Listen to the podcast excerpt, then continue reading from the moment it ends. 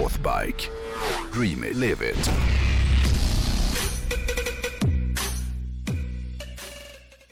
Det är ju ingen hemlighet att både du och jag drömmer om att få vara fräna äventyrare som korsar öknar och steppar och djungler och skogar. Vi, vi är det. Ja men vi, vi drömmer. Mentalt. Ja men precis, det är det jag ska landa i. Eh, Men eh, fram tills idag så är det ju mest drömmar. Vi, vi sticker ju ut och kampar ibland men mer än så har det ju inte blivit om vi ska vara riktigt ärliga. Varken du eller jag har ju liksom tagit sig an någon så här motorrelaterat äventyr värt att nämna. Utan vi nöjer oss som vanligt med liksom på typiskt Stockholmsmanér att köpa rätt grejer och klistermärken och i någon förhoppning om att folk kanske ska missta oss för äventyrsmän.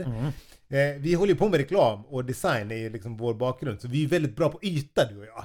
Ja, är det Men en dag så tror jag ändå att vi faktiskt kommer att förverkliga det här det inneboende behovet som vi har av, av att faktiskt ta oss an ett riktigt äventyr. Jag är faktiskt övertygad om det. Ja, Ehm, det gläder mig. Ja, men vi är ju ganska bra på att så här, eh, har vi väl bestämt oss så, så brukar det bli av. Sen kan det ta lite tid ibland, men jag tror att vi kommer göra det. Men vi är ju inte själva om att gå och drömma om det stora äventyret. Antalet sålda BMW GS med tillhörande packväskor i relation till antalet människor som faktiskt använder hojen till det den är byggd för skvallrar ju om det här. Ja.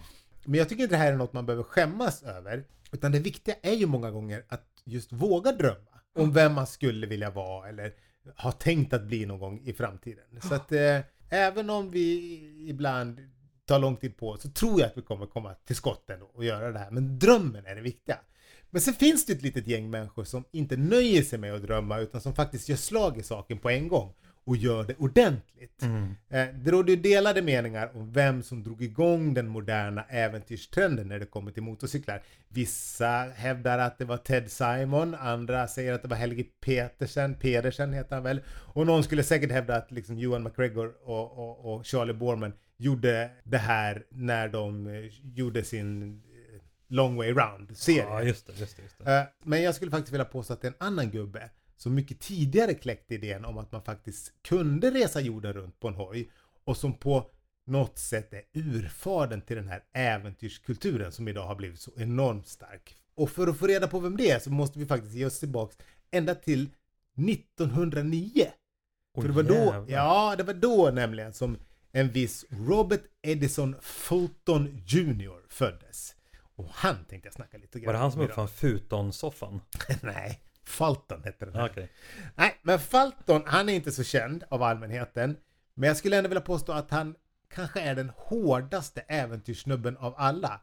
För om man tar sig runt jordklotet 1932 på en Douglas-hoj med 6 hästkrafter under loppet av 18 månader. Jävlar. Det får ju liksom alla andra hojäventyr att kännas tämligen bleka i jämförelse. Ja. Det är ju inget svårt att köra liksom Road of Bones i Sibirien om man sitter på en 2020 års eh, BMW GS tänker jag. Nej. Inte om man jämför med, med det Fulton gjorde. Han nöjde sig dessutom inte med att bara genomföra det här utan han filmade dessutom sitt äventyr med en stor jävla otymplig kamera som han liksom släpade med sig på hojen. Och alla som har sett en filmkamera från början av 30-talet vet ju att de var inte jättesmå direkt. Eh, och dessutom så skrev han på en bok om sina äventyr. Så jag vill hävda att den här resan var en ganska stor uppgift att ta sig an. Fulton, han kom från en rik familj, vilket gjorde det möjligt för honom att bli en professionell äventyrare redan från, som ganska ung. Och den här resan eh, påminner väldigt mycket om liksom en Indiana Jones-film. Jag har sett klipp från hans resa eftersom han filmade då och världen Ja, man märker, det var verkligen en annorlunda plats på 30-talet. Framförallt på landsbygden i länder som liksom Indonesien eller Iran. Där var det ju många som inte ens hade sett en motorcykel. Så när han kom inrullande i någon liten by, då blev det liksom stor uppståndelse. Ah, Men tack vare att han eh, som sagt blev någon form av professionell äventyrare så fick han vara med om ganska otroliga saker. Till exempel så var han med när de öppnade Tutankhamons grav oj 1923. jävlar. Ja. Det, det, han- det är den auran som du säger med Indiana Jones. Ja, ja, du ska få se en bild på honom sen. ja. Ja, och det här var liksom på 30-talet då. Eh, eller det var 23 och det var i och för sig innan han hade gått, gett sig ut på den här galna hojresan. Men, men han var lite av en Indiana Jones.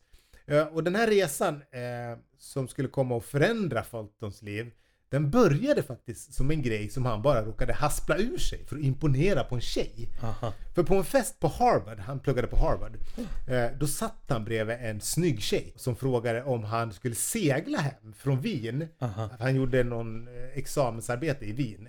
Där han, pluggade, han pluggade arkitektur nämligen. Och hon frågade, ska du segla hem när du är klar i Wien? Och då så sa han så här, för att impa på den här tjejen så, så, så då hör han sig själv säga så här, jag tänkte faktiskt resa jorden runt på en motorcykel när jag är klar med studierna. Bara hittade han på liksom. Det jäklar. är ju otroligt vad vi män säger och För att gör. imponera ja. Ja, om vi tror att det ökar våra chanser att få ligga. Det, det mesta vi gör hoppas vi ska leda till det på något sätt. Ja. Men det Falton inte visste var att vid samma bord eh, som han och tjejen satt så satt även ägaren av Douglas Motorcycles. En man som hette Keaton Redgrave. Jag har aldrig hört talas om Douglas Motorcycles. Nej, men det är ett gammalt, gammalt märke. Det finns inte längre.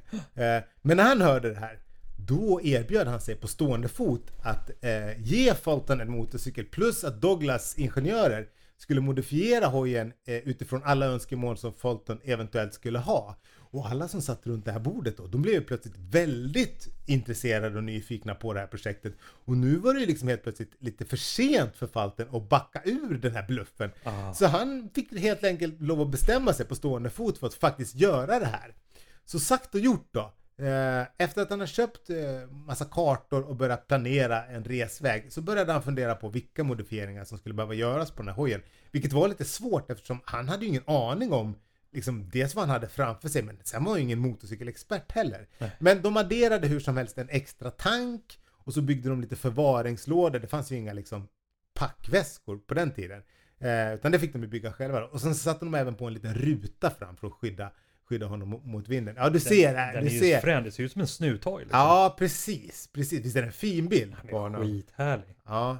Eh, och Fultons resa, den tog honom genom Europa till Mellanöstern och via Turkiet och sen genom vad som idag är Indonesien och till Kina, vidare till Japan och sen USA. Då.